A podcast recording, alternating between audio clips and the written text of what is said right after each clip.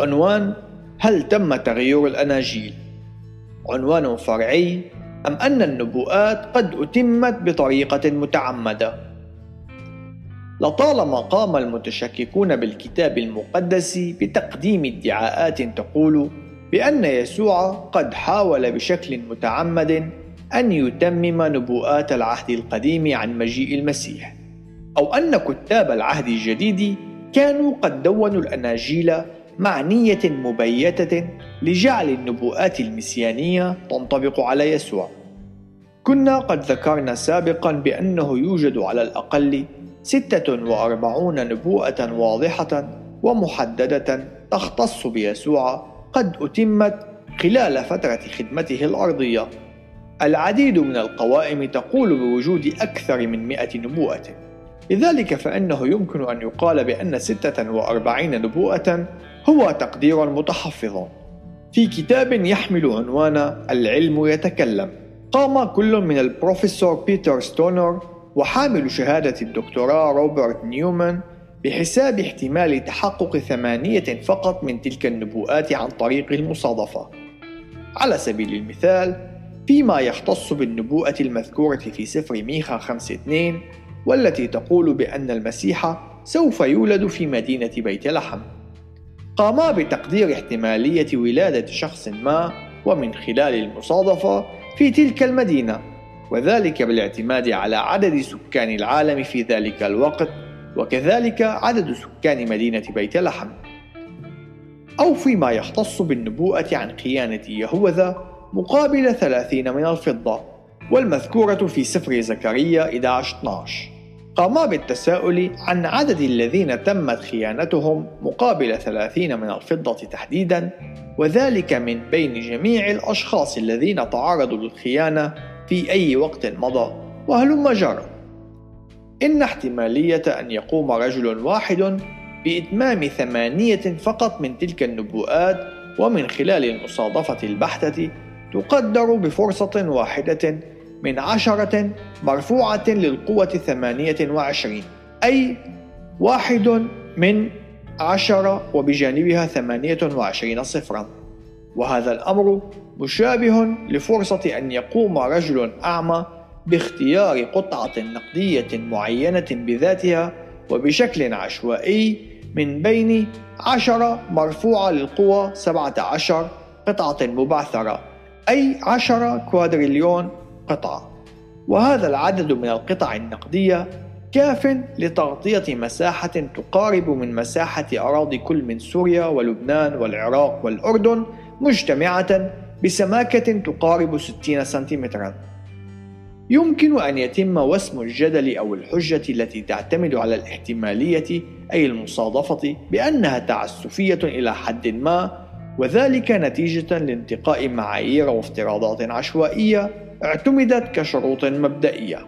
أما فيما يختص بالجدل الذي ذكر أعلاه فإنه قد تم تقديم مخطوطة من البحث المذكور للفحص من قبل لجنة تابعة للمجمع الأمريكي العلمي والتي أقرت بدقة الجدل. يجب أن نذكر بأننا نتعامل مع ثمانية نبوءات فقط وليس مع الثمانية والأربعين التي قمنا بتقديرها. وبالتالي فإنه ليس من الواقعي أن يجادل بأن يسوع قد صادف بأنه كان في المكان المناسب في الوقت المناسب في الكثير من المرات أو أنه كان في المكان غير المناسب بشكل متكرر وذلك نظرا للأسلوب المروع في الصلب الذي خضع له. لكن ماذا عن فكرة كون كتاب البشائر أي الأناجيل قد ابتدعوا قصصا لتتلائم مع النبوءات؟ لقد أشرنا سابقا إلى الميل الشديد المتواجد لدى اليهود للحفاظ على السجلات التاريخية وبشكل خاص كونهم يؤمنون بأنها أحداث حقيقية. أما فيما يختص بالاعتقاد القائل بأن هذه الروايات الزائفة قد تم تعميمها وتوزيعها من قبل المسيحيين المتآمرين في الكنيسة المبكرة فهو اعتقاد لن يصمد عندما تتم مواجهته مع كون العديد من اليهود الذين عاصروا تلك الحقبة كانوا شهود عيان على تلك المعجزات المعلنة والأحداث التي تعتبر مزعومة بحسب هذا المعتقد.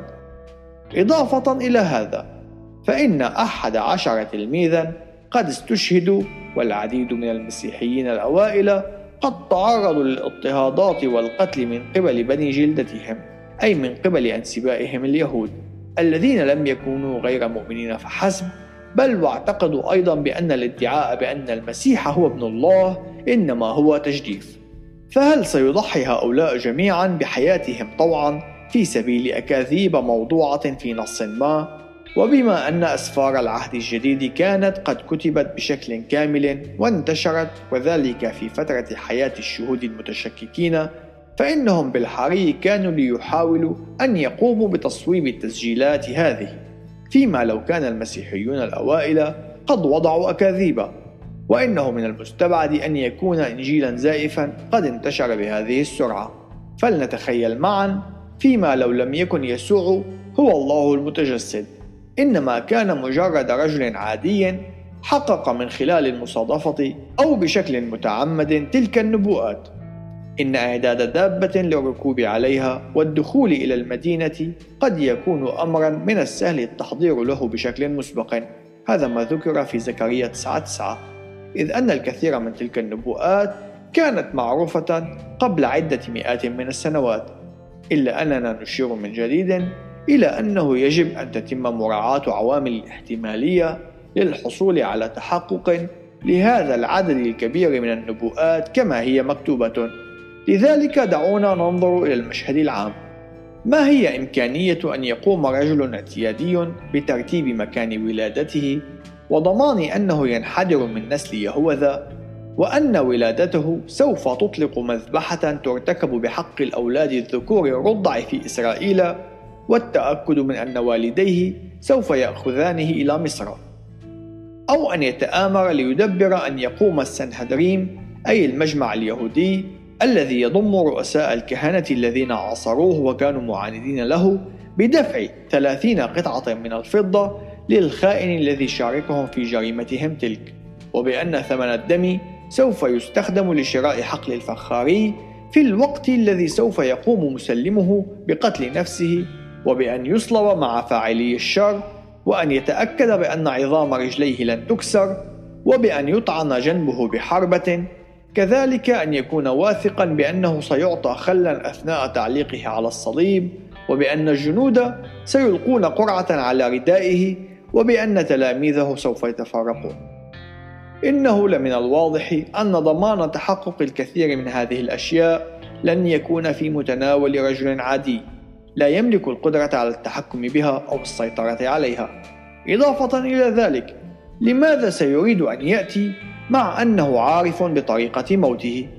إن الله وحده هو القادر على معرفة هذه الأمور بشكل مسبق، والشخص الذي يقوم بتحقيق كل هذه النبوءات لا بد أن يكون المسيح، لأنه من غير الممكن أن يتم تحقيق كل هذه النبوءات عن طريق المصادفة.